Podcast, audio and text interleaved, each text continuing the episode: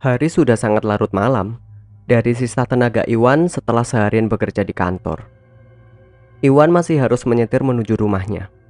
Ditambah kondisi alam yang tengah menurunkan rintik hujan. Membuat konsentrasi Iwan semakin tak terkontrol. Jalanan sangat sepi. Mungkin dikarenakan sedang turun hujan.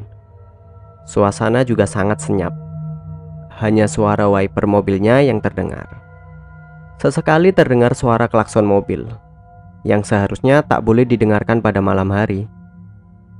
Juga sesekali tampak sinar lampu dari mobil pengendara lainnya. Apa ini? Ada rambut di kaca mobilku. Kata Iwan kaget. Setir mobil Iwan langsung tak stabil dan nyaris menghantam trotoar. Syukurnya, Tuhan masih melindungi Iwan dan Iwan segera sadarkan diri. Tepat ketika mobil Iwan benar-benar terparkir di tepi jalan, ia lihat rambut itu tidak ada lagi. Yang tersisa hanya debaran jantungnya yang sangat kacau. Pengalaman terburuknya, bisa dikatakan begitu.